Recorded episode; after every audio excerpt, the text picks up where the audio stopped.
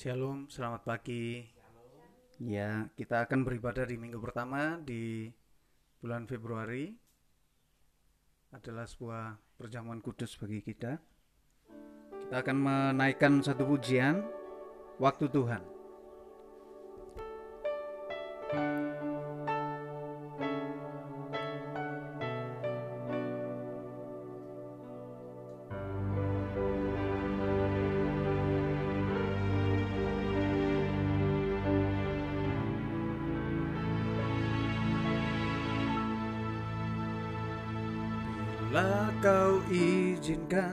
Sesuatu terjadi. Ku percaya semua untuk kebaikanku. Bila nanti telah tiba waktu Ku percaya kuasamu memulihkan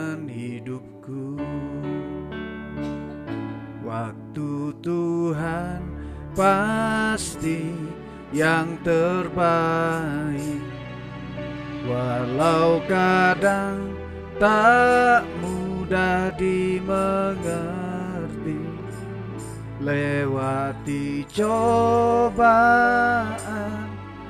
Ku tetap percaya waktu Tuhan Pasti yang terbaik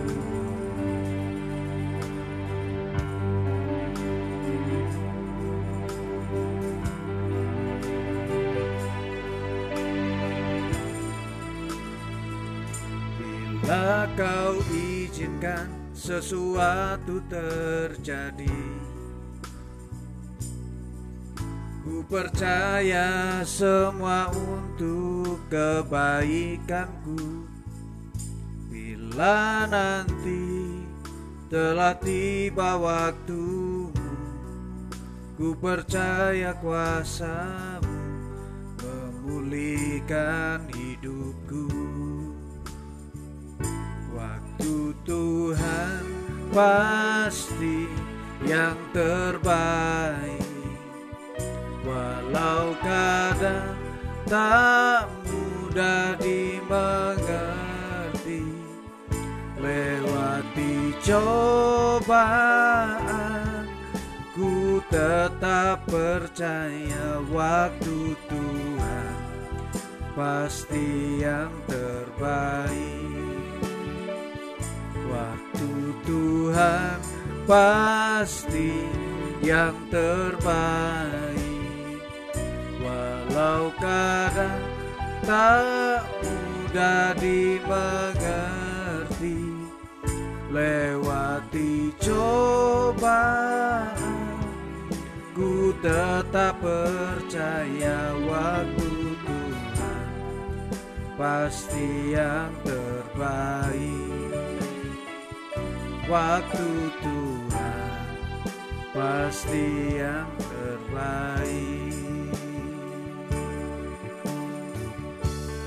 Untuk doa lawil pada akan dipimpin oleh Bapak Pendeta Seftan.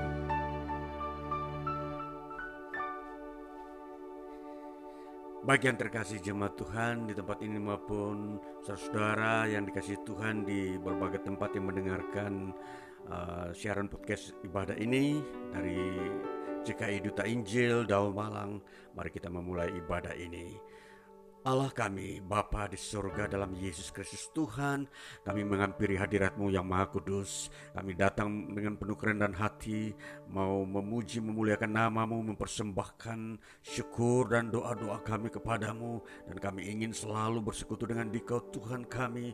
Kami mau menikmati makanan-makanan rohani, minuman yang dikhususkan Tuhan untuk kami hidup dalam pengudusan Kristus Yesus. Itulah sebabnya ibadah kami di awal bulan ini kami melakukan perjamuan kudus bahwa kami percaya apa yang Tuhan firmankan, janjikan, tetapkan untuk kami lakukan, kami lakukan di dalam iman dan hidup kami di dunia ini. Karena kami percaya firman-Mu menjamin keselamatan hidup kami dan di situlah perjamuan telah menjadi sebuah ketetapan bagi kami bahwa untuk melakukan uh, uh, suatu peribadatan memperingati hari kematian Tuhan Yesus Kristus di dunia ini untuk mengampuni dosa umat manusia. Kami bersyukur Tuhan memberkati berfirman dan penuhkan kami dengan kasih kuasa dari surga supaya hidup kami terus bertumbuh di dunia ini dalam iman, pengharapan dan kasih berkenan kepadamu.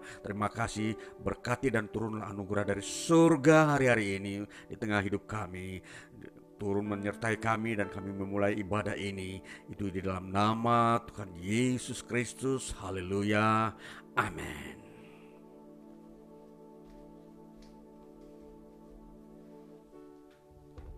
kita mau uh, menyanyikan suatu pujian di mana firman Tuhan adalah sebuah kekuatan dalam hidup kita sehingga bisa mengangkat tinggi bersama Dia. Kita boleh bangkit berdiri. Kita nyanyikan bukan terbang.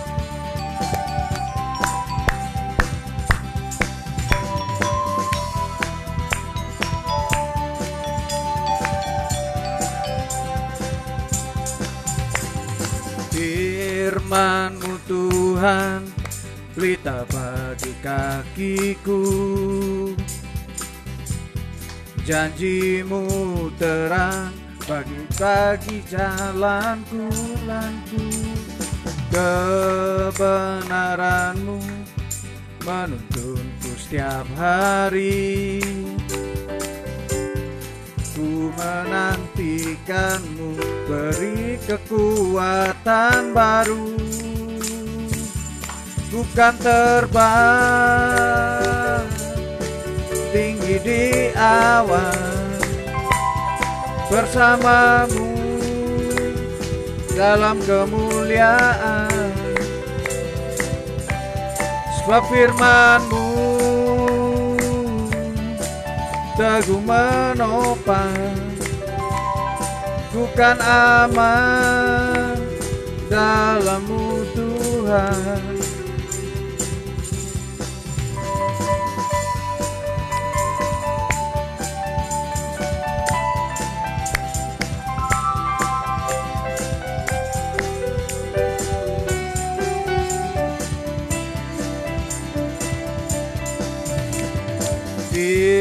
firmanmu Tuhan.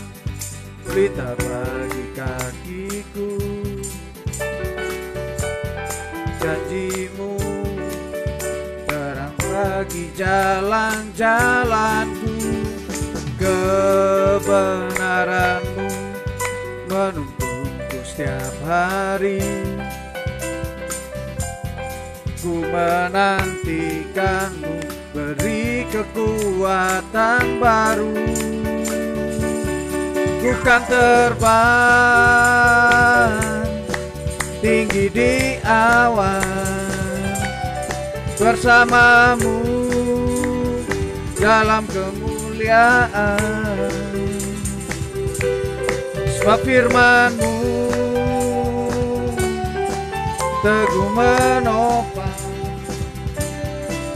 bukan aman dalammu Tuhan. Cuman silakan untuk nyanyi. Teguh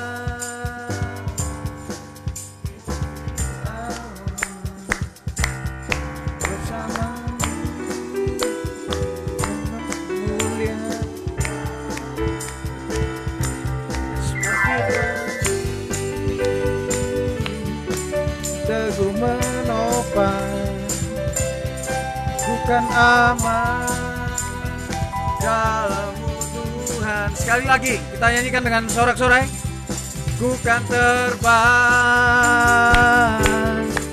Tinggi di awan Bersamamu Dalam kemuliaan.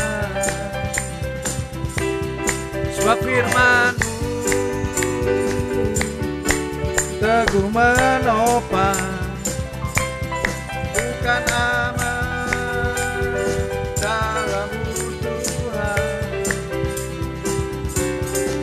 bukan aman dalammu Tuhan. Menemukan aman dalammu Tuhan.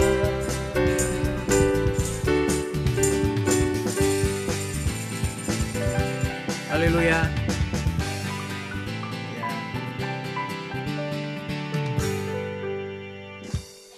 Ada kuasa dalam nama Yesus bahwa kuasa yang selalu menyembuhkan, membebaskan kita daripada roh-roh yang jauh daripada Tuhan, maka kita sangat bangga dengan Tuhan. Kita akan menyanyikan ada kuasa.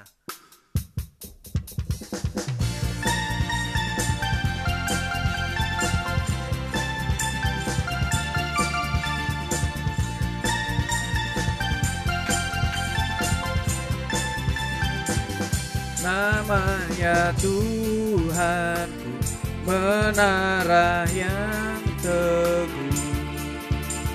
Kota benteng perlindunganku. Allah yang perkasa Dia Bapa yang kekal. Gunung batu keselamatanku. Mari kita sama-sama katakan Engkau yang termulia di bumi di surga. Termasyur perkasa selamanya. Engkau yang berkuasa di dalam segala hal. Ada kuasa dalam nama Yesusku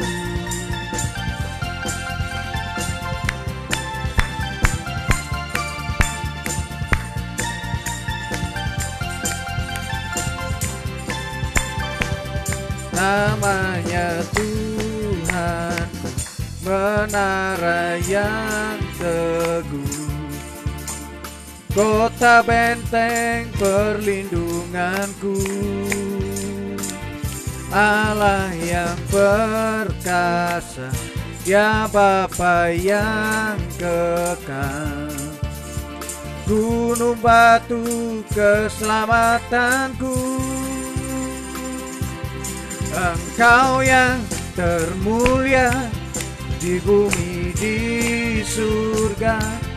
Termasyur perkasa selamanya.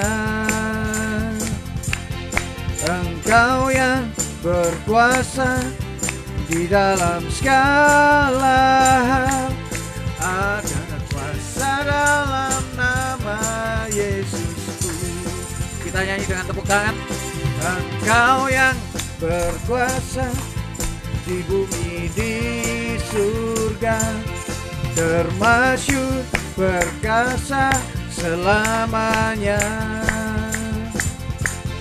Engkau yang berkuasa di dalam segala ada kuasa dalam nama Yesusku ada kuasa dalam nama Yesusku ada kuasa dalam nama Yesusku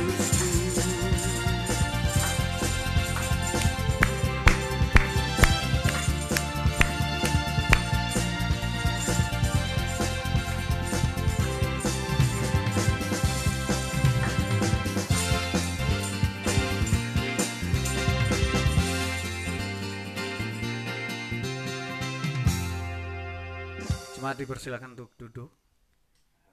Dan jika ada yang mau menyampaikan kesaksian, akan diberikan waktu.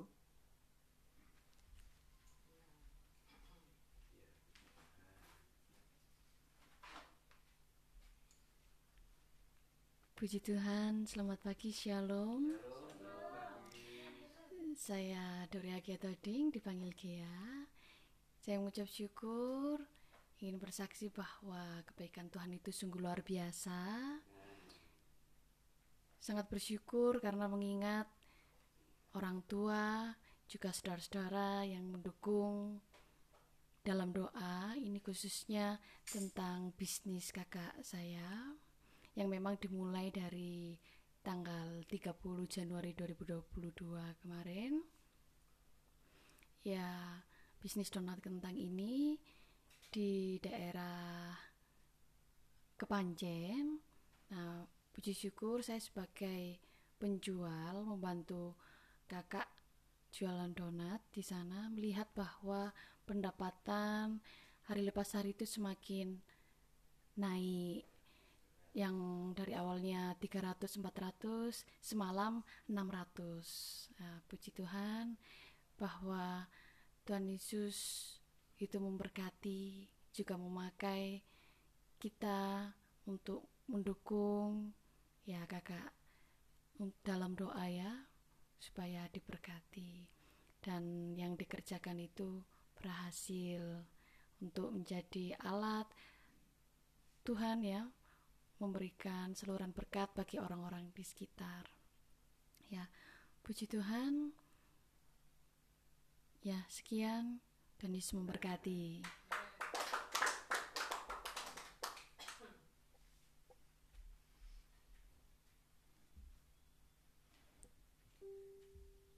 Terima kasih atas kesaksiannya, Saudara Korea. Kita akan membaca firman Tuhan yang terambil dari Yeremia 7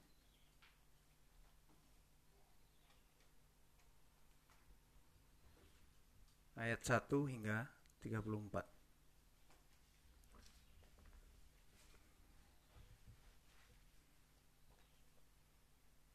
Kita akan membacanya bersama-sama. Khotbah Yeremia mengenai bait suci. Firman yang datang pada Yesus Yeremia daripada Tuhan bunyinya. Berdirilah di pintu gerbang rumah Tuhan, serukanlah di sana firman ini dan katakanlah. Dengarlah firman Tuhan, hai sekalian orang Yehuda yang masuk melalui semua pintu gerbang ini untuk sujud menyembah pada Tuhan Beginilah firman Tuhan semesta alam.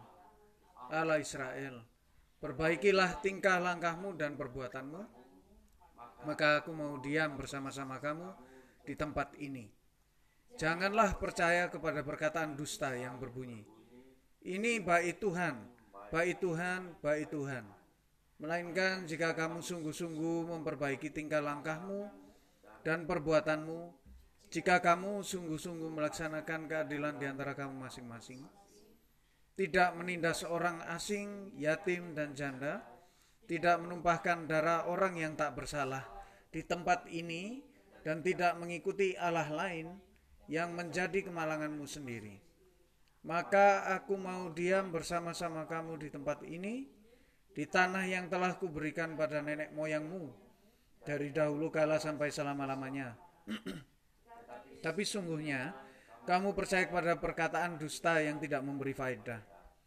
Masakan kamu mencuri, membunuh, bersina, dan bersumpah palsu, membakar korban kepada Baal, dan mengikuti Allah lain yang tidak kamu kenal. Kemudian kamu datang berdiri di hadapanku, di rumah yang atasnya namaku diserukan, sambil berkata, kita selamat supaya dapat pula melakukan segala perbuatan yang kecil ini Sudahkah menjadi sarang penyamun di matamu rumah yang atasnya namaku diserukan ini? Kalau aku, aku sendiri melihat semuanya. Demikianlah firman Tuhan. Tetapi baiklah pergi dahulu ke tempatku yang di Silo, di mana aku membuat namaku diam dahulu. Dan lihatlah apa yang telah kulakukan kepadanya, karena kejahatan umatku Israel maka sekarang oleh karena kamu telah melakukan segala perbuatan itu juga, demikianlah firman Tuhan, dan oleh karena kamu tidak mau mendengarkan, sekalipun aku berbicara kepadamu terus-menerus, dan kamu tidak mau menjawab sekalipun aku berseru padamu. Karena itulah kepada rumah yang atasnya namaku diserukan dan yang kamu andalkan itu, dan kepada tempat yang telah kuberikan padamu, dan kepada nenek moyangmu itu akan kulakukan seperti yang telah kulakukan kepada Silo. Aku akan melemparkan kamu dari hadapanku, seperti semua saudaramu, yakni seluruh keturunan Efraim telah kulemparkan, melawan penyembahan Ratu Surga. Tetapi engkau janganlah berdoa untuk bangsa ini, Janganlah sampaikan seruan permohonan dan doa untuk mereka. Dan janganlah desak aku, sebab aku tidak akan mendengarkan engkau. Tiadakah engkau melihat apa yang dilakukan mereka di kota-kota Yehuda dan di jalan-jalan Yerusalem? Anak-anak memungut kayu bakar, bapak-bapak menyalakan api dan perempuan-perempuan meremasak adonan untuk membuat panganan persembahan bagi ratu sorga. Dan orang mempersembahkan korban curahan pada Allah lain dengan maksud menyakiti hatiku. Hatikukah sebenarnya yang mereka sakiti? Demikianlah firman Tuhan. Bukankah hati mereka sendiri sehingga mereka menjadi malu? Sebab itu beginilah firman Tuhan Allah. Sesungguhnya murkaku dan kehangatan amarahku akan tercurah ke tempat ini, ke atas manusia, ke atas hewan, ke atas korban, dan ke atas hasil tanah, amarah itu akan menyala-nyala dengan tidak padam-padam. Melawan ibadah tanpa kesetiaan. Beginilah firman Tuhan semesta alam Allah Israel. Tambah sajalah korban bakaranmu pada korban sembelianmu dan nikmatilah dagingnya. Sungguh, pada waktu aku membawa nenek moyangmu keluar dari tanah Mesir, aku tidak mengatakan atau memerintahkan kepada mereka sesuatu tentang korban bakaran dan korban sembelian. Hanya yang berikut ini yang telah kuperintahkan pada mereka Dengarkanlah suaraku, maka aku akan menjadi alamu dan kamu akan menjadi umatku. Dan ikutilah seluruh jalan yang kuperintahkan padamu supaya kamu berbahagia. Tetapi mereka tidak mau mendengarkan dan tidak mau memberi perhatian, melainkan mereka mengikuti rancangan-rancangan dan kedegilan hatinya yang jahat. Dan mereka memperlihatkan belakangnya dan bukan mukanya. Dari sejak waktu nenek moyangmu keluar dari tanah Mesir sampai waktu ini, aku mengutus pada mereka hamba-hambaku, para nabi hari demi hari, terus menerus. Tapi mereka tidak mau mendengarkan kepadaku dan tidak mau memberi perhatian. Bahkan mereka menegarkan tengkuknya, berbuat lebih jahat daripada nenek moyang mereka. Sekalipun kau mengatakan kepada mereka segala perkara ini, mereka tidak akan mendengarkan perkara dan sekalipun kau berseru pada mereka, mereka akan menjawab engkau. Sebab itu katakanlah kepada mereka, inilah bangsa yang tidak mau mendengarkan suara Tuhan Allah mereka dan yang tidak mau menerima pengajaran. Ketulusan mereka sudah lenyap, sudah hapus dari mulut mereka. Penyembahan berhala dan akibatnya. Cukurlah rambut kepalamu dan buanglah Angkatlah ratapan di atas bukit-bukit gundul, sebab Tuhan telah menolak dan membuang bangsa yang kena murkanya. Sungguh, orang Yehuda telah melakukan apa yang jahat di mataku. Demikianlah firman Tuhan. Telah menempatkan dewa-dewa mereka yang menjijikan di rumah yang atasnya namaku, diserukan ini untuk menajiskannya. Mereka telah mendirikan bukit pengorbanan yang bernama Tofet di lembah Ben Hinom, untuk membakar anak-anaknya lelaki dan perempuan. Suatu hal yang tidak pernah kuperintahkan dan yang tidak pernah timbul dalam hatiku. Sebab itu sesungguhnya waktu akan datang, demikianlah firman Tuhan bahwa orang tidak akan mengatakan lagi Tofet dan lembah Benino, melainkan lembah pembunuhan. Orang akan menguburkan mayat di Tofet karena kekurangan tempat. Bahkan mayat bangsa ini akan menjadi makanan burung-burung di udara serta binatang-binatang di bumi dengan tidak ada yang mengagungkannya. Di kota-kota Yehuda serta Yerusalem akan kuhentikan suara kegirangan dan suara sukacita. Suara pengantin laki-laki dan suara pengantin perempuan sebab negeri itu akan menjadi tempat yang tandus. Demikianlah firman Tuhan karena ini suatu peringatan uh, akan ketaatan kita kepada Tuhan kita akan meresponi dengan menyanyikan sebuah lagu berkat kemurahanmu.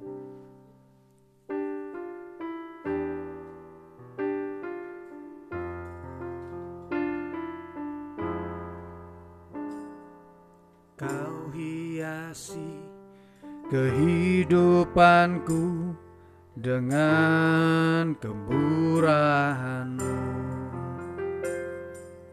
Kau rancangkan masa depanku penuh dengan hati.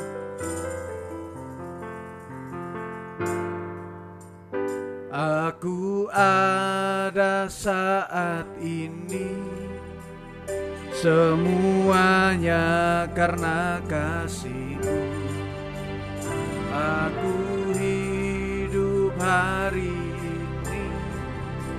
Semua berkat kemurahanmu Terima kasih Yesus.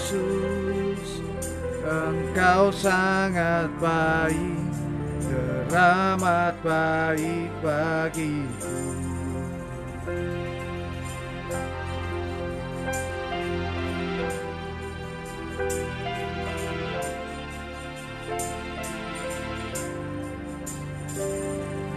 Kau hiasi kehidupanku dengan kemurahanmu Kau rancangkan masa depanku penuh dengan harapan. Aku ada saat ini Semuanya karena kasihmu. Aku hidup hari ini Semua berkat kemurahanmu. Terima kasih Yesus. Engkau sangat baik Teramat baik. Aku ada saat ini. Semuanya karena kasihmu Aku hidup hari ini Semuanya kemurahanmu Terima kasih Yesus. Engkau sangat baik Teramat baik Terima kasih. Yesus Engkau sangat baik Teramat baik bagiku Untuk ibadah akan dipimpin oleh Bapak Pendeta Ciftari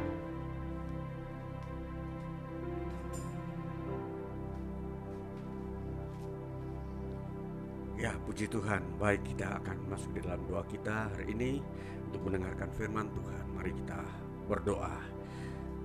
Ya Tuhan kami, Allah kami, Engkau Tuhan yang berfirman, Engkau Tuhan yang menetapkan hukum-hukum kehidupan, Engkau yang memberikan berkat damai sejahtera dalam kehidupan kami ini. Kami bersyukur eh, adalah kesempatan bagi kami yang terindah untuk mendengarkan firman-Mu lagi. Kami sangat percaya bahwa Tuhan telah hadir di tengah kami dengan kuasamu, dengan perkataan-perkataan firmanmu yang hidup, yang memberikan kekuatan, sukacita, damai sejahtera, bahkan memberikan perlindungan dan jalan keluar selalu dalam kehidupan ini untuk kami menemukan kebenaran-kebenaran kehidupan, menemukan kehendak Tuhan, menemukan sebuah uh, kebenaran yang akan menjadi uh, jaminan kehidupan kami di dunia ini dan di dalam kekekalan di hadapan Dikau Yesus Kristus Tuhan. Dan itulah sebabnya kami merendahkan hati. Kami sangat membutuhkan kuasa Tuhan. Kami sangat menantikan hari-hari penghiburan hari-hari uh, pengajaran bagi kami. Karena kami bagaikan domba yang tiada berdaya, yang hanya bisa memiliki kekuatan bila firman-Mu ada di tengah kami, bila tangan Tuhan ada di atas hidup kami. Terima kasih kami berdoa menyerahkan firman-Mu dan hidup kami di, di hadapan hadirat-Mu. Kami mendengarkan firman-Mu dalam nama Tuhan Yesus Kristus kami berdoa. Haleluya. Amin. Ya, saudara kekasih Tuhan, di minggu pertama bulan Februari ini tahun 2022 kita berkumpul bersama lagi di dalam ibadah kita kepada Tuhan Yesus Kristus dan firman-Nya kita akan dengar hari ini. Kita akan membaca firman Tuhan hari ini dari Injil Matius pasal 7 ayat pertama hingga ayat yang kelima. Itu bagian pertama dan bagian kedua dari kitab Roma pasal yang kedua ayat 1 hingga ayat yang ke-8. Kita membaca mulai daripada Injil Matius pasal 7 ayat pertama hingga kelima. Bunyinya demikian. Hal menghakimi. Jangan kamu menghakimi supaya kamu tidak dihakimi. Karena dengan penghakiman yang kamu pakai untuk menghakimi, kamu akan dihakimi dan ukuran yang kamu pakai untuk mengukur akan diukurkan kepadamu. Mengapakah engkau melihat selumbar di mata saudaramu, sedangkan balok di dalam matamu tidak engkau ketahui? Bagaimanakah engkau dapat berkata kepada saudaramu, biarlah aku mengeluarkan selumbar itu dari matamu, padahal ada balok di dalam matamu. Hai orang munafik, keluarkanlah dahulu balok dari matamu, maka engkau akan melihat dengan jelas untuk mengeluarkan selumbar itu dari mata saudaramu. Ya kita sambung pada kitab Roma pasal kedua ayat pertama sampai dengan ketujuh bunyinya demikian. Hukuman Allah atas semua orang. Karena itu hai manusia, siapa pun juga engkau yang menghakimi orang lain, engkau sendiri tidak bebas dari salah. Sebab dalam menghakimi orang lain, engkau menghakimi dirimu sendiri. Karena engkau yang menghakimi orang lain melakukan hal-hal yang sama. Tetapi kita tahu bahwa hukuman Allah berlangsung secara jujur atas mereka yang berbuat demikian. Dan engkau, hai manusia, engkau yang menghakimi mereka yang berbuat demikian, sedangkan engkau sendiri melakukannya juga. Adakah engkau sangka bahwa engkau akan luput dari hukuman Allah? Maukah engkau menganggap sepi kekayaan kemurahannya, kesabarannya, dan kelapangan hatinya? Tidakkah engkau tahu bahwa maksud kemurahan Allah ialah menuntun engkau kepada pertobatan? Tetapi oleh kekerasan hatimu yang tidak mau bertobat, engkau menimbun murka atas dirimu sendiri pada hari waktu mana murka dan hukuman Allah yang adil akan dinyatakan. Ia akan membalas setiap orang menurut perbuatannya, yaitu hidup kekal kepada mereka yang dengan tekun berbuat baik, mencari kemuliaan, kehormatan, ketidakbinasaan, tetapi murka dan geram kepada mereka yang mencari kepentingan sendiri, yang tidak taat kepada kebenaran, melainkan taat kepada kelaliman. Ya, demikian sampai di situ dulu bagian firman Tuhan yang kita baca, sebab di hari ini tema yang kita mau uh, bicarakan dan yang mau kita mengerti dari bagian ini adalah hukum dan keadilan. Saudara-saudaraku yang kekasih, di dalam kita mau mengerti apa yang uh, Tuhan Yesus ajarkan dan Rasul Paulus uh, nasihati kepada jemaat di Roma dalam kitab Roma pasal 2 tadi, tentunya di sini berbicara tentang hukum dan keadilan. Nah, kita mau mengerti bahwa sebuah hukum yang dibuat oleh Yesus Kristus itu untuk masa masyarakat agamais ya. Agamais ini artinya orang yang sudah uh, mendengar hukum-hukum dan sudah menerima hukum dari Tuhan namun di dalam uh, mempraktekkan hukum ini masih tidak seimbang atau masih ada yang menyalahgunakan hukum Tuhan untuk uh, membebaskan uh, seseorang, membebaskan diri seseorang dari suatu uh, penilaian-penilaian yang yang kurang tepat. Ya, itu maksud daripada orang-orang agamais yang sudah uh, sering mendengar hukum Tuhan. Nah, jadi di sini Yesus Kristus menampilkan sebuah hukum dan hukum ini disebut hukum jangan menghakimi. Nah, saudaraku yang terkasih, tentunya kalau kita melihat kitab suci, kitab suci selalu mengedepankan hukum. Dan hukum ini bukanlah hukum uh, yang dibuat oleh manusia, tetapi hukum yang dibuat oleh Allah sendiri. Hukum Tuhan yang akan dipakai oleh umat manusia untuk hidup di muka bumi ini, baik hidup di antara dia dengan sesamanya maupun dia di hadapan Tuhan. Nah, itulah fungsi hukum yang uh, ada di tengah umat manusia di muka bumi. Saudara-saudaraku yang terkasih, kalau kita mau memperhatikan makna hukum, ya, hukum itu mempunyai makna itu sebenarnya mengatur mengatur manusia agar sesuai dengan kebenaran yang tertinggi, yaitu Allah. Nah, itu makna daripada hukum. Jadi kalau kita uh, mendengar hukum, maka kita harus uh, mengarahkan pikiran kita bahwa apa makna daripada hukum.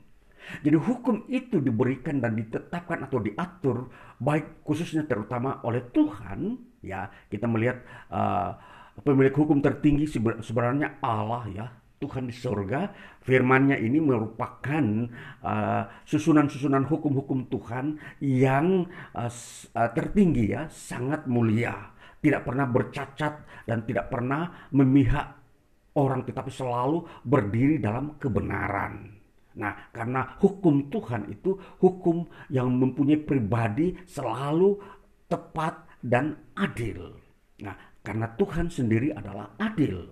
Nah, jadi itulah sebabnya uh, kalau kita mau memperhatikan hukum, jadi iman dan uh, iman kita kepada Tuhan itu pasti di situ ada hukum-hukum yang akan uh, mengatur kita sehingga iman kita pun kepada Tuhan itu itu uh, benar-benar uh, ada di dalam kehendak Tuhan.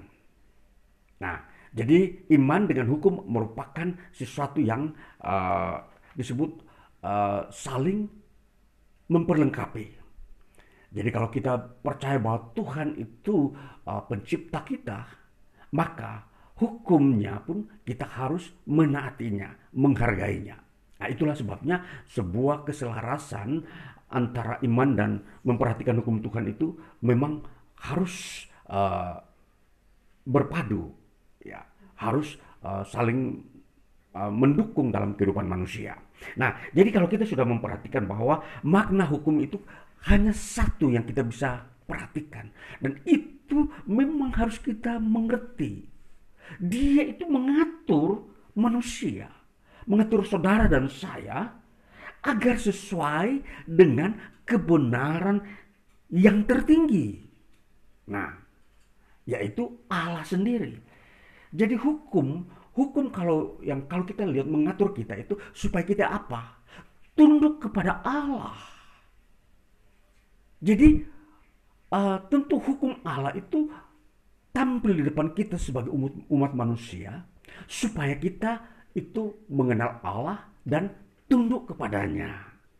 Ini makna hukum. Jadi kalau kita nanti kita lihat bagaimana Yesus membahas tentang orang-orang orang-orang munafik, mereka hanya memperlihatkan bahwa mereka tahu hukum tapi mereka tidak tunduk kepada Allah.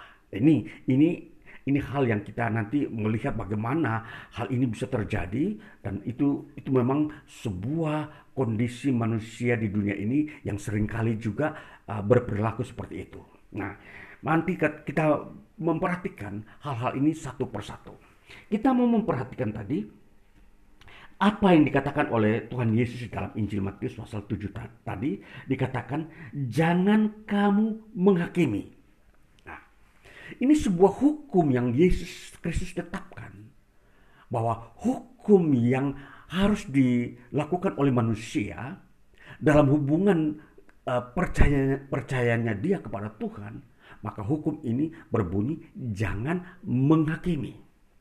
Saudara yang terkasih, kita mau memperhatikan makna kata jangan menghakimi. Jangan menghakimi itu mempunyai makna bahwa Allah ditempatkan sebagai hakim ya atas manusia karena dia adil. Itu makna daripada hukum yang berbunyi jangan menghakimi. Artinya kalau kita mengambil secara praktis bahwa manusia tidak bisa di, tidaklah ditetapkan oleh Allah untuk menghakimi sesama manusia. Ya, kalau kita mau memperhatikan begini, kita semua manusia itu berarti tidak ada yang uh, sempurna. Semua sudah dikatakan sebagai manusia berdosa. Itulah sebabnya Rasul Paulus itu menasihati jemaat di Roma dengan tegas di dalam uh, kitab Roma pasal kedua dikatakan begini. Ayat pertama, karena itu hai manusia, siapa pun juga engkau, siapa pun juga engkau, artinya engkau boleh orang Kristen, boleh engkau orang non-Kristen, engkau pejabat agama atau engkau jemaat biasa, masyarakat biasa, siapa pun juga engkau itu level-level itu merang, merangkum semua golongan manusia. Nah, jadi dikatakan karena itu hai manusia, siapa pun juga engkau yang menghakimi orang lain, engkau sendiri tidak bebas dari salah. Jadi semua manusia tetap mempunyai suatu eh, mempunyai kesalahan. Jadi kalau manusia mempunyai kesalahan, dia tidak berhak menghakimi orang lain yang bersalah. Itu berarti tidak adil. Memang benar. Hukum Kristus itu yang menghakimi manusia hanya Allah. Manusia tidak boleh. Apalagi kalau manusia menuduh si uh, si A oh dia itu telah melanggar hukum Tuhan, maka dia harus di dikucilkan. Contoh, ini tidaklah perlu terjadi seperti ini. Kita akan ambil contoh di dalam Injil Yohanes pasal 8 sebuah kasus yang terjadi di uh, di tengah-tengah orang Israel dalam Injil Yohanes pasal 8 ada sebuah kasus yang menarik untuk menjelaskan tentang bagaimana jangan menghakimi. Injil Yohanes pasal 8 ayat yang pertama sampai dengan ayatnya yang ke-11 bunyinya demikian. Ke, uh, tetapi Yesus pergi ke Bukit Zaitun. Pagi-pagi benar ia berada di bait Allah dan seluruh rakyat datang kepadanya. Ia duduk dan mengajar mereka.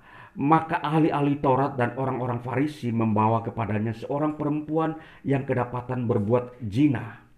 Mereka menempatkan perempuan itu di tengah-tengah lalu berkata kepada Yesus, "Rabi, perempuan ini tertangkap basah ketika ia sedang berbuat zina." Musa dalam hukum Taurat memerintahkan kita untuk melempari perempuan-perempuan yang demikian. Apakah pendapatmu tentang hal itu? Mereka mengatakan hal itu untuk mencobai dia, supaya mereka memperoleh sesuatu untuk menyalahkannya. Tetapi Yesus membungkuk lalu menulis dengan jarinya di tanah. Dan ketika mereka terus-menerus bertanya kepadanya, ia pun bangkit berdiri lalu berkata kepada mereka, Barang siapa di antara kamu tidak berdosa, hendaklah ia yang pertama melemparkan batu kepada perempuan itu. Lalu ia membungkuk pula dan menulis di tanah. Tetapi setelah mereka mendengar perkataan itu, pergilah mereka seorang demi seorang, mulai dari yang tertua. Akhirnya tinggallah Yesus seorang diri dengan perempuan itu yang tetap di tempatnya. Lalu Yesus bangkit berdiri dan berkata kepadanya, Hai perempuan, di manakah mereka? Tidak adakah seorang yang menghukum engkau? Jawabnya, tidak ada Tuhan. Lalu kata Yesus, Aku pun tidak menghukum engkau Pergilah dan jangan berbuat dosa lagi mulai dari sekarang. Ini sebuah kisah nyata dan contoh untuk melihat bagaimana sikap menghakimi tidak perlu dilakukan oleh manusia terhadap sesamanya. Nah, ini pengajaran Yesus tentang jangan menghakimi. Hukum jangan menghakimi itu uh, memang uh, perlu ditempatkan lebih terang di depan kehidupan semua orang di era ini. Di era ini tentunya orang lebih cinta hukum, orang lebih uh, mengandalkan hukum sebagai senjata untuk mengatur manusia agar manusia tertib, agar manusia uh, bisa menghargai sesamanya. Nah, inilah sebabnya uh, Yesus menetapkan, menetapkan hukum jangan menghakimi. Jadi hukum ini ditetapkan oleh Yesus Lalu kemudian kita memperhatikan bagaimana hukum ini bisa diterapkan atau hukum ini bisa uh, diterima oleh semua orang, teristimewa terutama orang-orang yang telah menerima firman, ya, mengenal Tuhan sebagai uh, Allah yang harus disembah, ditakuti dan dipuji untuk selama-lamanya.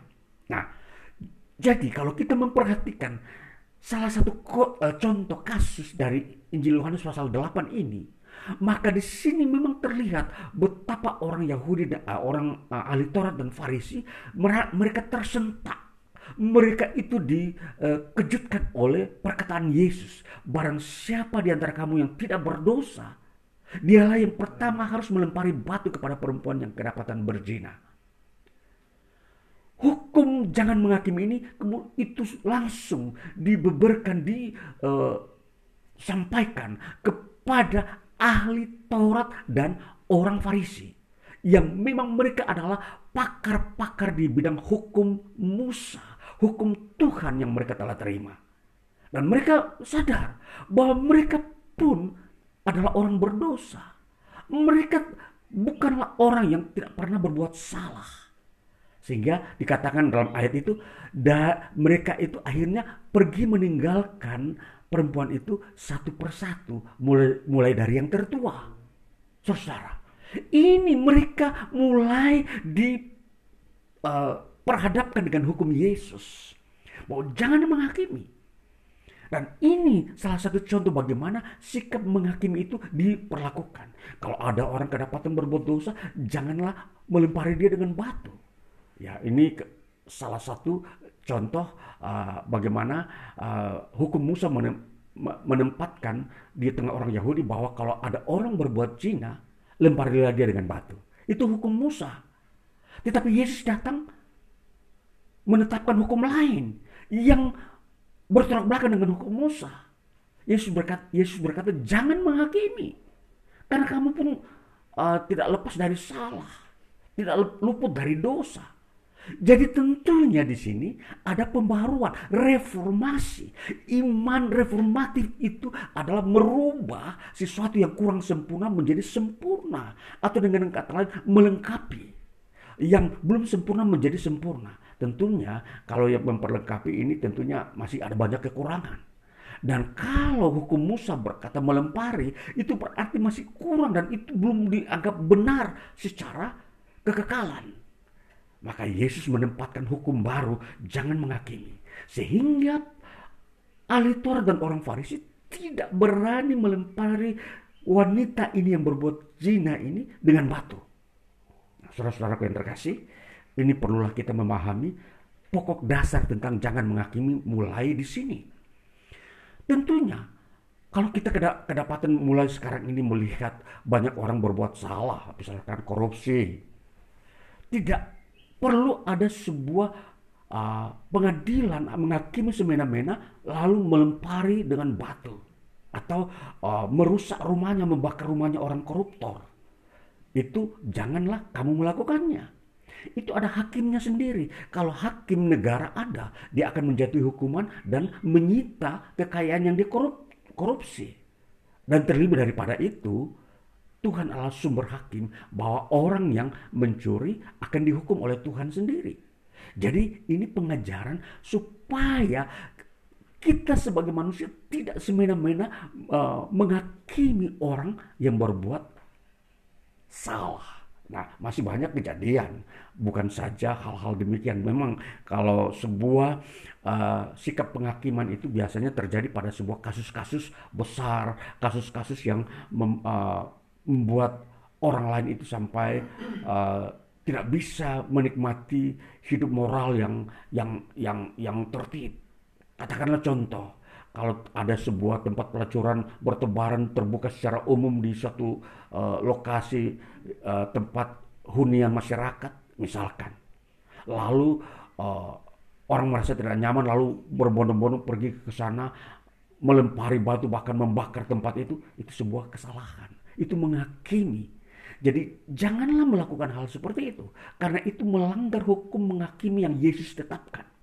Jadi kita sebagai orang Kristen yang percaya kepada Kristus patutlah mengerti dan memahami hukum jangan menghakimi. Nah, sehingga kita tidak terjebak melakukan melampiaskan sebuah uh, uh, sebuah kemarahan terhadap kesalahan orang lain. Nah, inilah yang harus kita pahami. Karena uh, dikatakan bahwa kita pun punya kesalahan, tidak berhak untuk menghakimi orang yang berbuat salah.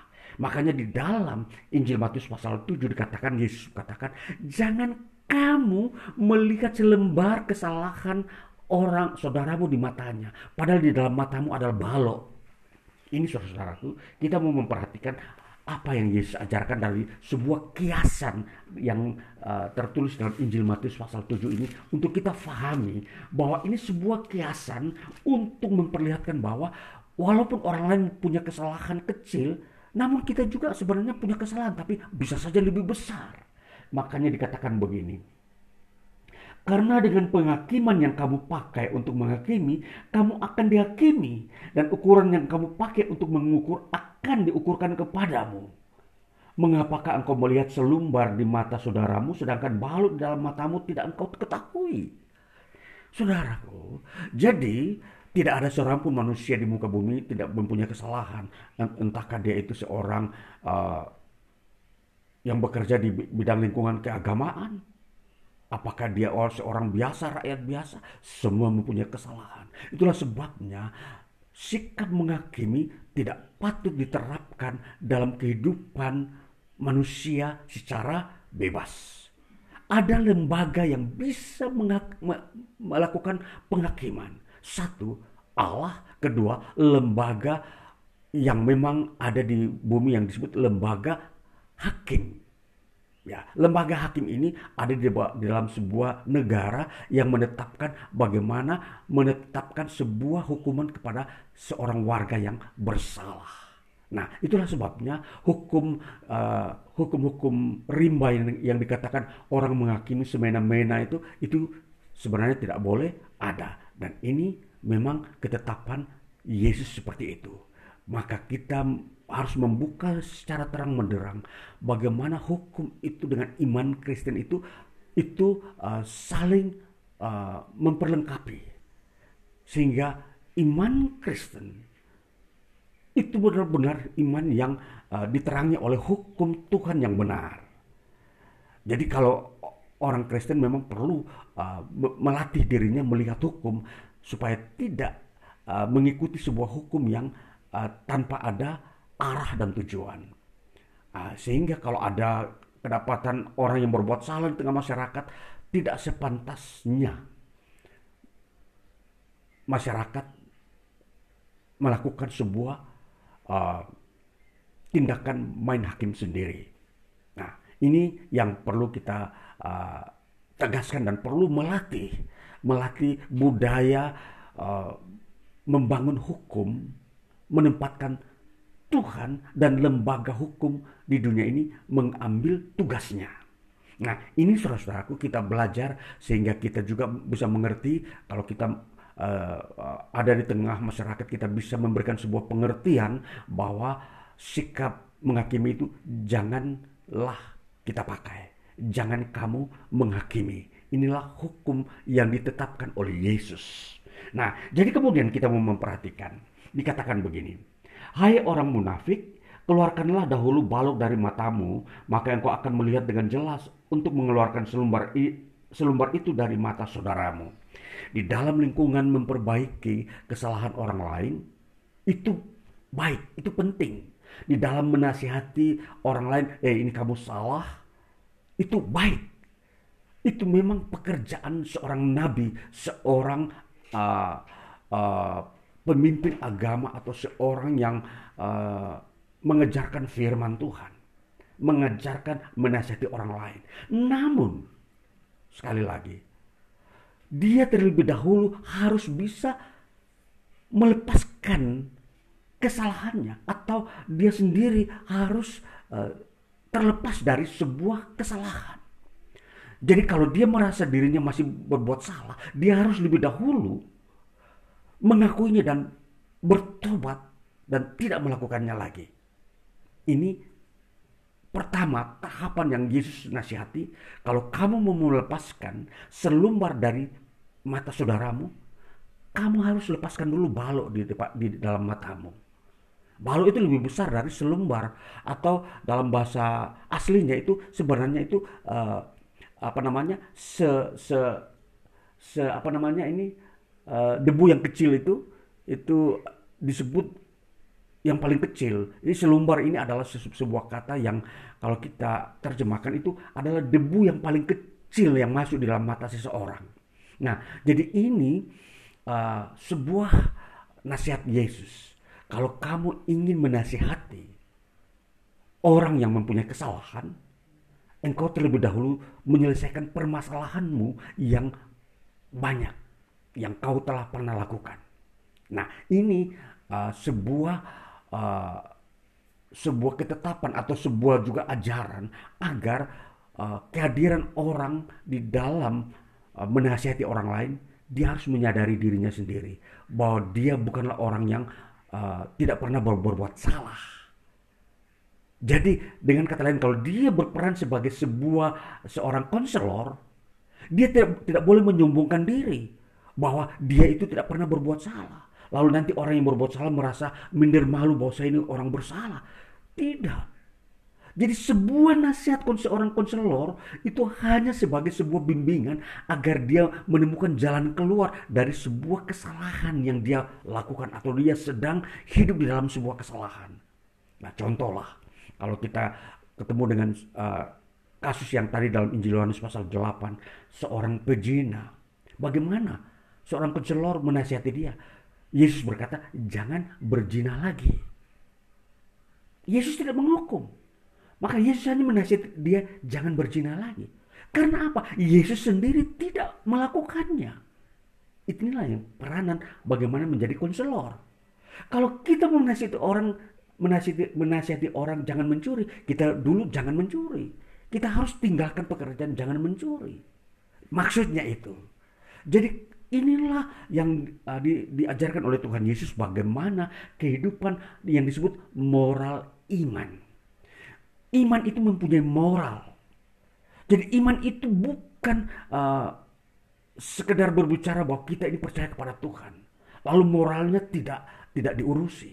Ini yang disebutkan moral iman. Artinya orang yang mempunyai iman, dia juga mempunyai di dalamnya ada moral yang mengatur imannya dia. Bahwa dia tidak menyalahgunakan Alkitab atau firman Tuhan untuk menyombongkan dirinya dan meremehkan orang lain. Contoh, saya seorang pendeta, mengerti Alkitab, mengajarkan kebenaran.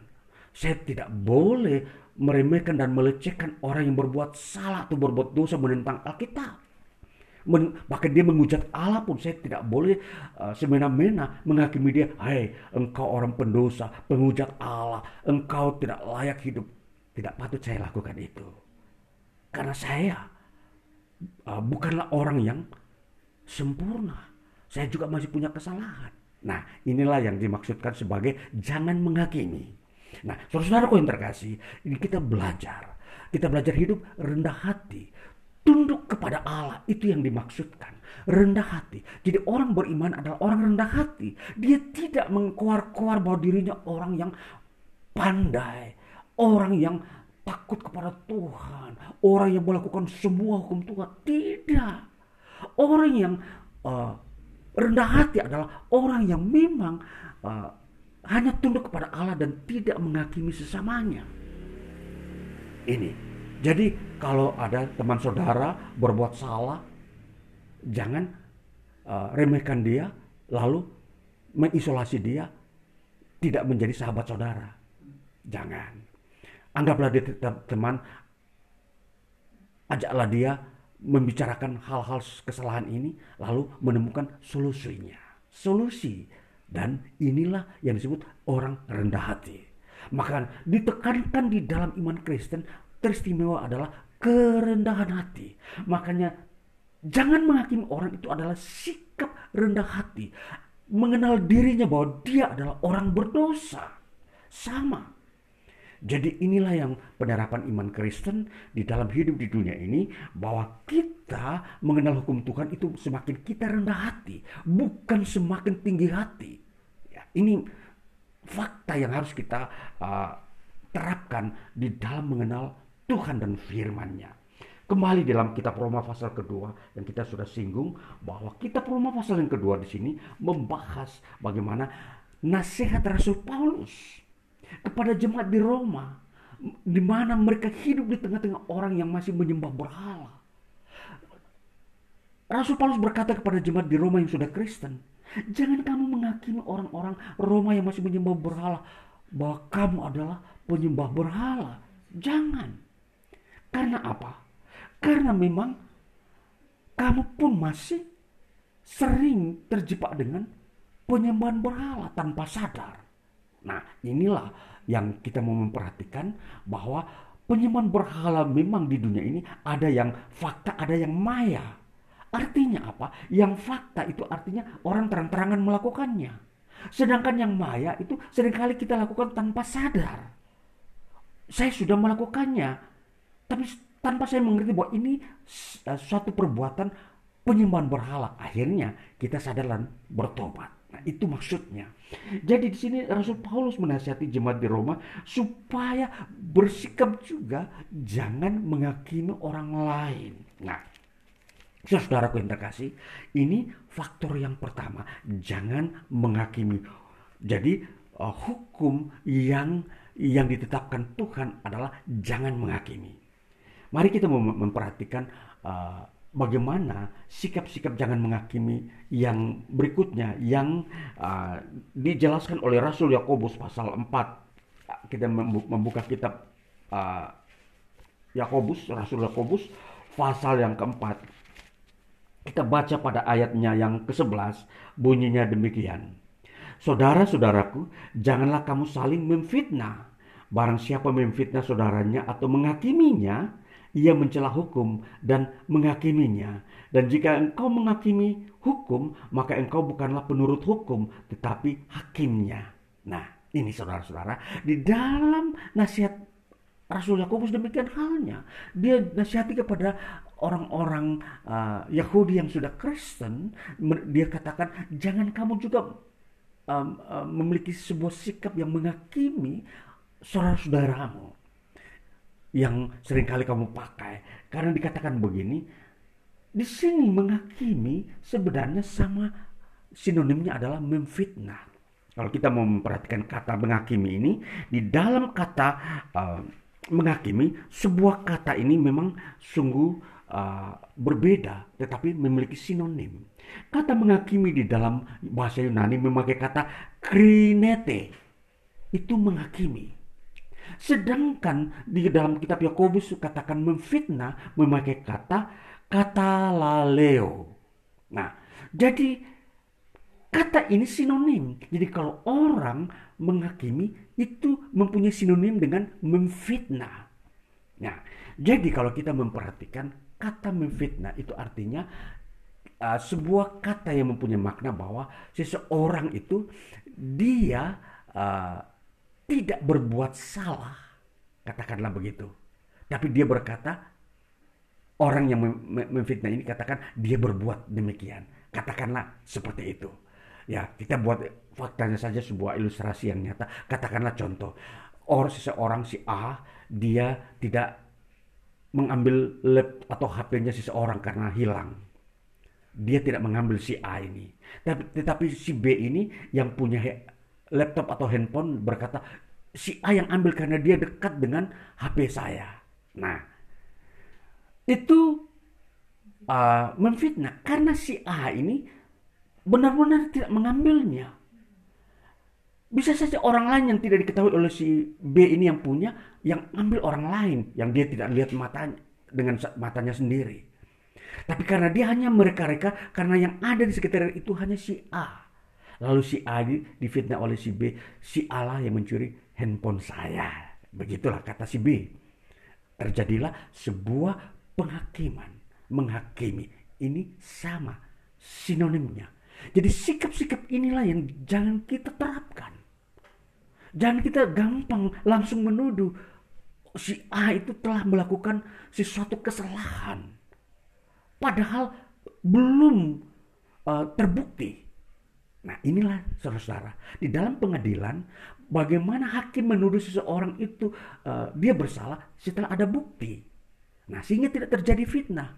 Makanya lembaga pengadilan di dunia ini ditetapkan oleh Allah untuk menghakimi seseorang. Disertai dengan bukti. Kalau ada bukti baru terbukti bersalah. Nah, itulah sebabnya kita memahami pengadilan-pengadilan seperti ini. Sama halnya pengadilan di surga seperti itu. Tuhan maha tahu siapa pun yang berbuat kesalahan. Tuhan tidak menghukum seseorang masuk neraka tanpa alasan. Tuhan bilang, ini kamu tidak pernah bertobat. Ini dosa-dosamu. Perhatikan, itu saksinya saya sendiri. Allah maha tahu tidak bisa uh, memakai saksi lain. Itulah sebabnya Allah berkata Allah itu adalah saksi yang sah di dalam menghakimi setiap orang untuk masuk surga atau neraka. Nah ini kita harus memperhatikan.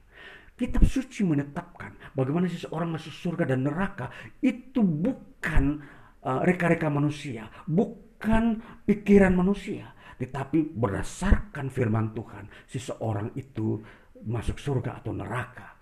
Karena hukum Tuhan itu adil dan benar. Nah, jadi kalau seseorang dikatakan dia benar, itu harus ada saksi dan bukti-bukti. Seseorang pun kalau bersalah, itu pun harus, ada saksi dan bukti-bukti. Nah, dua hal inilah yang bisa menimbulkan apa yang disebut keadilan Allah. Satu keadilan itu bisa terwujud kalau ada bukti dan saksi. Nah, jadi kalau tanpa ada bukti dan saksi, lalu orang berkata dia bersalah, itu disebut fitnah atau menghakimi. Sama. Jadi inilah yang harus kita harus mengerti. Di dalam penerapan hidup kita di dunia ini, kita jangan cepat-cepat mengambil sikap langka, menghakimi atau memfitnah. Jadi sebaiknya kita selalu belajar moral iman ini, membangun iman kita semakin hari semakin uh, uh, dilengkapi dengan hukum-hukum Tuhan. Hukum keadilan adalah salah satu hukum Tuhan yang tidak boleh dilupakan. Hukum keadilan ini itu dipakai sepanjang masa. Dan seseorang dikatakan layak kepada Tuhan, di hadapan Tuhan, karena ada faktor keadilannya di situ. Jadi saudara-saudara beriman kepada Yesus Kristus tidak seperti orang buta berjalan tanpa arah, tidak mengerti jalan, lalu dia bilang, saya ini adalah orang benar. Orang yang disebut percaya kepada Yesus itu harus ada bukti-bukti. Yesus tahu dia ini adalah orang percaya kepadaku. Ada buktinya. Ada saksinya. Maka tidak bisa seorang membohongi dirinya di hadapan Allah bahwa aku ini bahwa dia adalah seorang percaya kepada Yesus Kristus. Yesus sendiri menjadi saksi. Untuk masuk ke dalam kerjaan surga harus ada saksi. Yesus adalah saksinya. Yesus berkata, aku adalah uh, jalan dan kebenaran. Bahkan aku adalah pintunya. Di situlah menjadi saksi bahwa seseorang bisa masuk ke dalam kerajaan surga. Jadi kalau namanya tidak tertera lalu dia mau menuntut masuk surga, dia berkata aku adalah seseorang yang uh, benar di bumi. Tetapi itu bisa saja bukan yang benar. Hanya uh, membohongi dengan kata lain memfitnah dirinya sendiri, membohongi dirinya sendiri. Jadi ini saudara-saudara pemikiran ini untuk kita mengerti supaya kita mau melihat hidup iman itu betul-betul berdasarkan fakta, berdasarkan bukti bahwa kita benar-benar percaya kepada Yesus itu ada bukti-buktinya. Ialah kitab suci. Kitab suci berkata kalau kamu berkat percaya kepada Yesus, kamu harus menuruti kehendaknya. Kamu harus melakukan perintahnya. Itu menjadi bukti. Firman Tuhan menjadi saksi bagi kita. Kalau kita mengerti firman Tuhan, kita harus melakukannya. Maka kalau kita bersalah, kita berkata, ampunilah dosa saya Tuhan. Karena saya telah berdosa. Itu pun ada buktinya. Ada saksinya. Tuhan tahu bahwa kita berbuat dosa. Nah itulah sebabnya semua ini hidup ini berjalan berdasarkan saksi dan bukti. Jadi tidak seorang pun di dunia ini bisa bersembunyi daripada saksi mata. Tuhan adalah saksi mata yang maha tahu terhadap setiap orang di permukaan bumi. Apa yang dilakukannya Tuhan tahu. Jadi saudara-saudara jangan berkata, ah tidak ada seorang pun yang tahu saya melakukan dosa ini. Maka saya akan selamat. Tidak ada orang menghakimi saya. Tapi jangan lupa Tuhan melihat dari tempat maha tinggi, maha sucinya. Melihat engkau sedang berbuat dosa. Sadarlah dan bertobatlah supaya engkau beroleh selamat. Demikian firman Tuhan seperti itu. Kita mau memperhatikan makna berikutnya. Kita mau melihat pemahaman yang kedua yang sesuai dengan tema kita adalah hukum dan keadilan. Kita mau mengerti apa itu keadilan. Keadilan adalah sebuah kesetaraan di antara manusia bahwa semua manusia adalah orang berdosa. Nah, jadi kalau dikatakan keadilan itu artinya bahwa setara. Setara berarti tidak ada yang lebih tinggi dan sesuatu lebih rendah. Nah kalau setara, setaranya apa? Ya bahwa semua manusia orang berdosa. Tidak ada yang lebih suci dan tidak ada yang lebih berdosa. Semua berdosa. Itu yang disebut keadilan. Di dalam teologi Kristen, teologi Kristen mengenai keadilan, inilah dia. Semua orang-orang berdosa. Kalau ada orang mengajarkan bahwa ada orang suci, jangan percaya. Itu sebuah penyesatan kalau dikatakan dia berkata, mari kita pergi ada orang suci di sebuah tempat yang akan uh, menyampaikan firman Tuhan kepada saudara. Hati-hati, ini tidak sesuai dengan Alkitab. Firman Tuhan tidak berkata bahwa ada orang suci di muka bumi, tidak ada. Sekalipun dia nabi, perhatikan baik-baik. Sekalipun makanya ada Tuhan Yesus akan berkata akan muncul Mesias-Mesias palsu Mesias sesungguhnya suci. Hanya yang suci adalah Mesias, Tuhan Yesus. Tapi ada Mesias palsu yang menyatakan bahwa dia juga orang suci. Tidak ada duanya, hanya Yesus satu-satunya pribadi yang suci di muka bumi. Sehingga kalau ada orang berkata dia orang suci, itu adalah Mesias palsu. Hati-hati. Nah ini Teologi ini harus menjelaskan kepada kita supaya kita mengerti penyesatan seperti apa yang ada di muka bumi.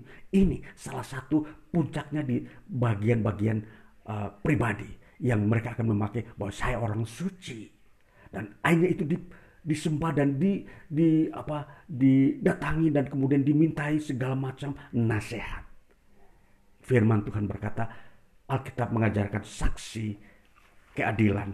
Tuhan adalah saksi berkata tidak ada orang suci di muka bumi. Semua orang adalah berdosa. Yang namanya orang itulah dia orang berdosa yang lahir dari manusia berdosa. Yesus Kristus datang ke muka bumi. Dia bukanlah uh, menjadi warisan orang berdosa. Dia adalah pribadi Allah yang suci. Hanya kepada dia saja kita menyembah. Kepada dia, dialah yang menyampaikan firman. Dialah yang menetapkan hukum di muka bumi terhadap manusia dan hukum yang akan dipakai di sorga bagaimana seseorang masuk ke sorga melalui hukum Yesus Kristus. Yesus berkata barang siapa percayaku dia akan beroleh hidup kekal. Itulah hukum mengenai keselamatan. Itulah yang kita harus mengerti fahami. Jadi tidak ada nama lain di muka bumi yang membawa manusia selamat masuk surga. Hanya nama Yesus. Jangan ada nama lain di mana manusia uh, mendapatkan keselamatan. Tidak ada nama lain. Itulah sebabnya kita memahami kesucian dari pemahaman firman Tuhan sendiri. Ini adalah keadilan. Nah, dari saudara-saudaraku yang terkasih, tidak ada manusia bisa uh, menciptakan kesucian di dalam dirinya. Seorang pun tidak bisa berkata bahwa dia mampu menciptakan kesucian dalam dirinya. Tidak ada. Makanya saya katakan firman Tuhan katakan hanya Allah yang Maha Suci yang telah datang ke dalam dunia pun dalam Yesus Kristus. Dia adalah pribadi yang suci tanpa dosa dan celah. Dialah juru selamat yang patut membawa kita ke surga. Haleluya. Ini saudara-saudara terkasih, kita memahami hukum dan keadilan seperti ini bukan keadilan-keadilan uh, seperti yang dipakai di muka bumi. Contoh, kalau membagi roti harus sama rata, itu memang adil. Itu keadilan di bumi. Tapi keadilan yang kita bicarakan di sini, bagaimana uh, men menyatakan bahwa semua orang adalah berdosa. Nah, jadi kita mau memahami bahwa kita melihat pribadi kita, lebih baik kita merendahkan hati, tunduk di hadapan Allah. Itu menjadi sebuah solusi supaya kita tidak menjadi pribadi yang suka menghakimi. Dan kita juga harus perhatikan langkah kedua. Kita jangan cepat-cepat memfitnah orang kalau tanpa ada sebuah saksi mata. Ini sebuah sikap moral iman yang harus kita pakai dalam hidup ini. Kita pun harus punya uh, konsep berpikir tentang kebenaran. Jadi kebenaran itu harus ada bukti dan saksi. Ini yang perlu kita ketahui. Jadi Tuhan Yesus memberkati kita, kita semakin diperdalam, diperluas, melihat uh, fakta-fakta kehidupan di dunia ini, bahkan di hadapan Tuhan kekekalan, semua itu akan di uh, perhadapkan kepada kita bahwa Allah itu bekerja dengan kebenaran, memperlihatkan semua aktivitas kebenaran manusia. Siapa yang uh, bergumul atau bergaul dengan kebenaran, mereka itulah yang akan dikenyangkan dengan kebenaran. Mereka yang melecehkan kebenaran akan dipisahkan dari kebenaran. Ini kita mau melihat bagaimana Allah tetap terus bekerja di dalam ruang lingkup kebenaran. Ya Tuhan Yesus memberkati kita, membuat kita pemahaman-pemahaman tentang uh, keilahian yang begitu luas ini. Tuhan Yesus memberkati kita. Haleluya.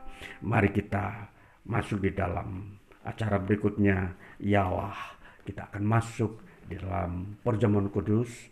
Biarlah kita uh, melakukannya ini berdasarkan kebenaran bahwa firman Tuhan telah kita dengar bahwa sungguhnya kebenaran semakin ditambahkan kepada kita. Firman Tuhan dalam 1 Korintus 11 ayat 23 bunyinya demikian. Sebab apa yang telah aku teruskan kepadamu telah aku terima dari Tuhan. Yaitu bahwa Tuhan Yesus pada malam waktu ia diserahkan mengambil roti. Mari kita mengambil roti ini.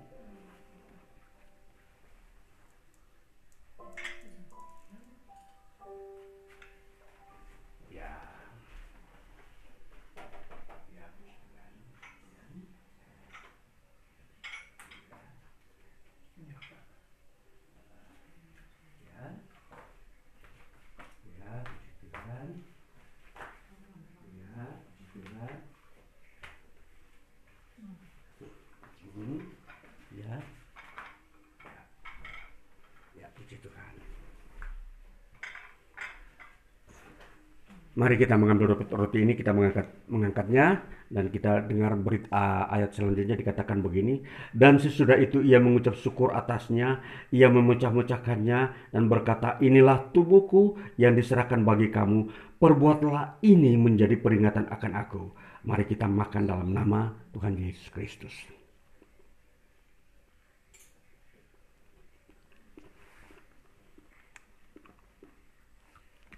Mari kita mengangkat cawan ini. Kemudian dikatakan selanjutnya, demikian juga ia mengambil cawan.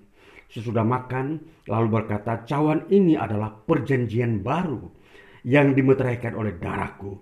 Perbuatlah ini setiap kali kamu meminumnya menjadi peringatan akan aku. Mari kita minum dalam nama Tuhan Yesus Kristus. Ya puji Tuhan. Sebab setiap kali kamu makan roti ini dan minum cawan ini, kamu memberitakan kematian Tuhan sampai ia datang. Puji Tuhan. Ya, kita telah melakukan perjamuan bersama di hari ini, di tempat ini, jemaat ini. Tuhan Yesus telah menetapkan firman-Nya di tengah kita dan kita menjadi uh, bagian dari persekutuan dengan Yesus Kristus dan kita terus uh, memberitakan tentang kematian Tuhan sampai ia datang kedua kali. Itulah sebabnya firman Tuhan kita sampaikan. Mari kita masuk dalam doa syafaat kita. Mari kita masuk dalam doa syafaat kita. Kami bersyukur ya Bapa Tuhan Allah kami dalam Yesus Kristus dan ya Roh Kudus. Kami bersyukur karena firman-Mu telah kami dengar dan kami telah diajarkan oleh firman bagaimana memiliki sikap moral iman yang tunduk kepada Tuhan, sikap hidup rendah hati, dan memberikan tempat kepada Tuhan sebagai hakim dan tidak pantas kalau kami menghakimi sesama saudara kami karena setiap kami pun tidak luput dari kesalahan. Kami bersyukur ya Tuhan karena Engkau Tuhan yang adil yang mengajarkan semua kebenaranmu sehingga kami tahu apa yang harus kami kerjakan. Kami bersyukur kami dapat memandang Tuhan dan kebesaran-Mu dalam kehidupan kami. Bahwa Tuhanlah hakim yang adil, Tuhan bertindak secara benar dan adil, Tuhan maha tahu yang mengetahui setiap orang dengan perbuatan dan pikirannya, dan Tuhan sendiri yang mengampuni setiap kesalahan orang-orang yang mengaku dosanya. Setiap orang yang uh, menjalani kehidupan di dunia ini akan berhadapan dengan hukum, hukum-hukum yang harus uh, menjadi panutan sehingga tidak sampai kepada mengalami kehidupan yang uh, begitu mengerikan karena melanggar hukum, karena menentang Tuhan. Dan Selanjutnya, maka kami mengucap syukur, kami dipersiapkan Tuhan untuk masuk di dalam lingkungan mengenal hukum Tuhan, hidup dalam iman, percaya kepada Tuhan dan mengenal hukum-hukummu.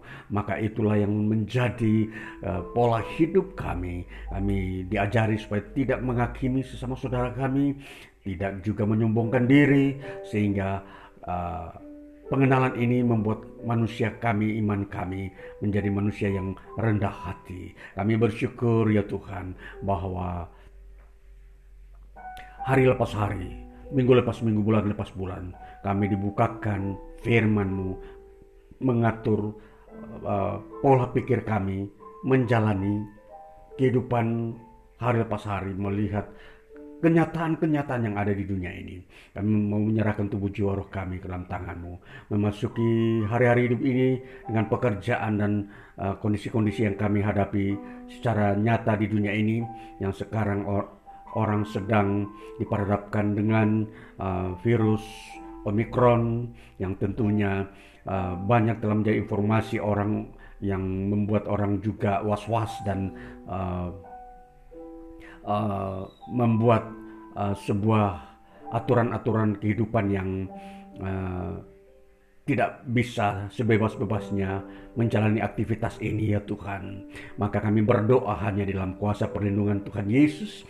Berkati kami umatmu yang mendengarkan firmanmu hari ini pengharapan dan pegangan kami hanya kepada Dikau Tuhan, bahwa Engkaulah perlindungan keselamatan kami yang memberikan keagungan hidup itu, yang memberikan hidup yang penuh damai dan sejahtera dan tiada ketakutan. Tuhan sebagai penyembuh, Tuhan sebagai pelindung sehingga kami pun tidak patut mengalami sebuah um, uh, kondisi yang terpapar oleh virus corona ini. Kami bersyukur kuasa darah Yesus mujizat Tuhan selalu ada di tengah kami sehingga kami betul-betul merdeka kami tidak diperbudak dan diperhamba oleh kondisi dunia yang tidak stabil ini. Kami menyerahkan hidup kami bahwa Tuhan memberkati apa yang kami kerjakan di dunia ini. Kami bekerja, Tuhan memberkati membuka jalan. Terima kasih kesaksian-kesaksian hidup bagaimana Tuhan memberkati jemaatmu anakmu Yase yang boleh engkau memberkati uh, usahanya bahwa tangan Tuhan lain membuat semua ini uh, terjadi. Kami bersyukur memuji memuliakan Tuhan. Kami juga menyerahkan hidup kami hari lepas hari uh, sekalipun kami bekerja di lingkungan pemerintahan di lingkungan swasta uh, maupun uh, lingkungan di mana rumah tangga pun itu membutuhkan campur tangan Tuhan. Semua itu berjalan di dalam kasih karunia Tuhan. Pelayanan-pelayanan kami, pemberitaan Injil dan pengejaran firman dan doa-doa aktivitas kami dalam uh, pelayanan ini. Tuhan Yesus yang memberkati kemuliaan bagi namamu dan demi untuk membangun kerajaan Tuhan di muka bumi. Membangun iman, membangun pengharapan membangun pengetahuan pengenalan kami akan Kristus Yesus Tuhan dan firman-Nya. Dan biarlah kebenaran selalu menjadi bagian hidup kami memenuhi pikiran hati kami. Kami berdoa untuk setiap orang yang mendengar firman-Mu. Kami berdoa untuk lembaga gereja yang memberitakan firman-Mu. Kami berdoa menyerahkan lembaga negara yang menjalankan uh, pemerintahan dan uh, keadilan bagi semua orang. Itu biar berjalan dalam kebenaran. Tuhan ambil alih sehingga uh, bangsa negara kami pun uh, mengalami kemajuan-kemajuan di dalam hidup ini, dalam kebenaran-kebenaran dan dalam keadilan-keadilan yang sangat-sangat dibutuhkan oleh umat manusia, oleh bangsa kami ini. Kami mengucap syukur Tuhan karena Engkau tetap terus bekerja di tengah-tengah umatmu yang berdoa berseru siang dan malam, memohon anugerah berkat kemurahan Tuhan. Engkau memberkati setiap keluarga kami masing-masing, Engkau memberkati jemaatmu dengan keluarganya, cucu-cucu yang sudah bertumbuh, Engkau memberkati semua ini tidak ada satupun yang terlewatkan. Kami doakan menyerahkan setiap pribadi jemaatmu ini yang ada di rumah. Tuhan menyertai Tuhan memberkati campur tangan dan menghibur setiap pribadi jemaatmu yang uh, menjalani kehidupan ini yang menghadapi tantangan-tantangan. Mereka dikuatkan dan berikan kekuatan baru untuk uh, sanggup melewati setiap tantangan kesulitan. Tuhan Yesus terima kasih terpujilah namamu, maka ini hidup kami tubuh jiwa kami kami serahkan ke tanganmu kuduskan dan berkati. Pakai dan permuliakan namamu di dalamnya sehingga namamu sajalah yang kami muliakan sepanjang hidup kami di dunia ini. Biarlah turunlah anugerah Tuhan dari surga, kasih dari Bapa persekutuan dengan Yesus Kristus, pengemburan Roh Kudus menyertai kami semua hari ini. Hari ini terus sampai selama-lamanya dan kami berdoa sesuai dengan apa yang Tuhan ajarkan kepada kami. Bapa kami yang di surga, dikuduskanlah namamu, datanglah kerajaanmu, jadilah kehendakmu di bumi seperti di surga. Berikanlah kami pada hari ini makanan kami yang secukupnya, dan ampunilah kami akan kesalahan kami, seperti kami juga mengampuni orang yang bersalah kepada kami. Dan janganlah membawa kami ke dalam pencobaan, tetapi lepaskanlah kami daripada yang jahat, karena engkau yang punya kerajaan kerajaan, kuasa dan kemuliaan sampai selama-lamanya. Terima kasih Yesus. Terima kasih Yesus. Puji syukur hanya bagimu Ya Allahku, ya Tuhanku, terima kasih Yesus, terima kasih Yesus, puji syukur hanya bagimu Terima kasih. Yesus. Bapak terima kasih untuk kasih berkatmu pagi hari ini bagi kami umatmu. Dalam nama Tuhan Yesus kami berdoa dan bersyukur. Haleluya. Amin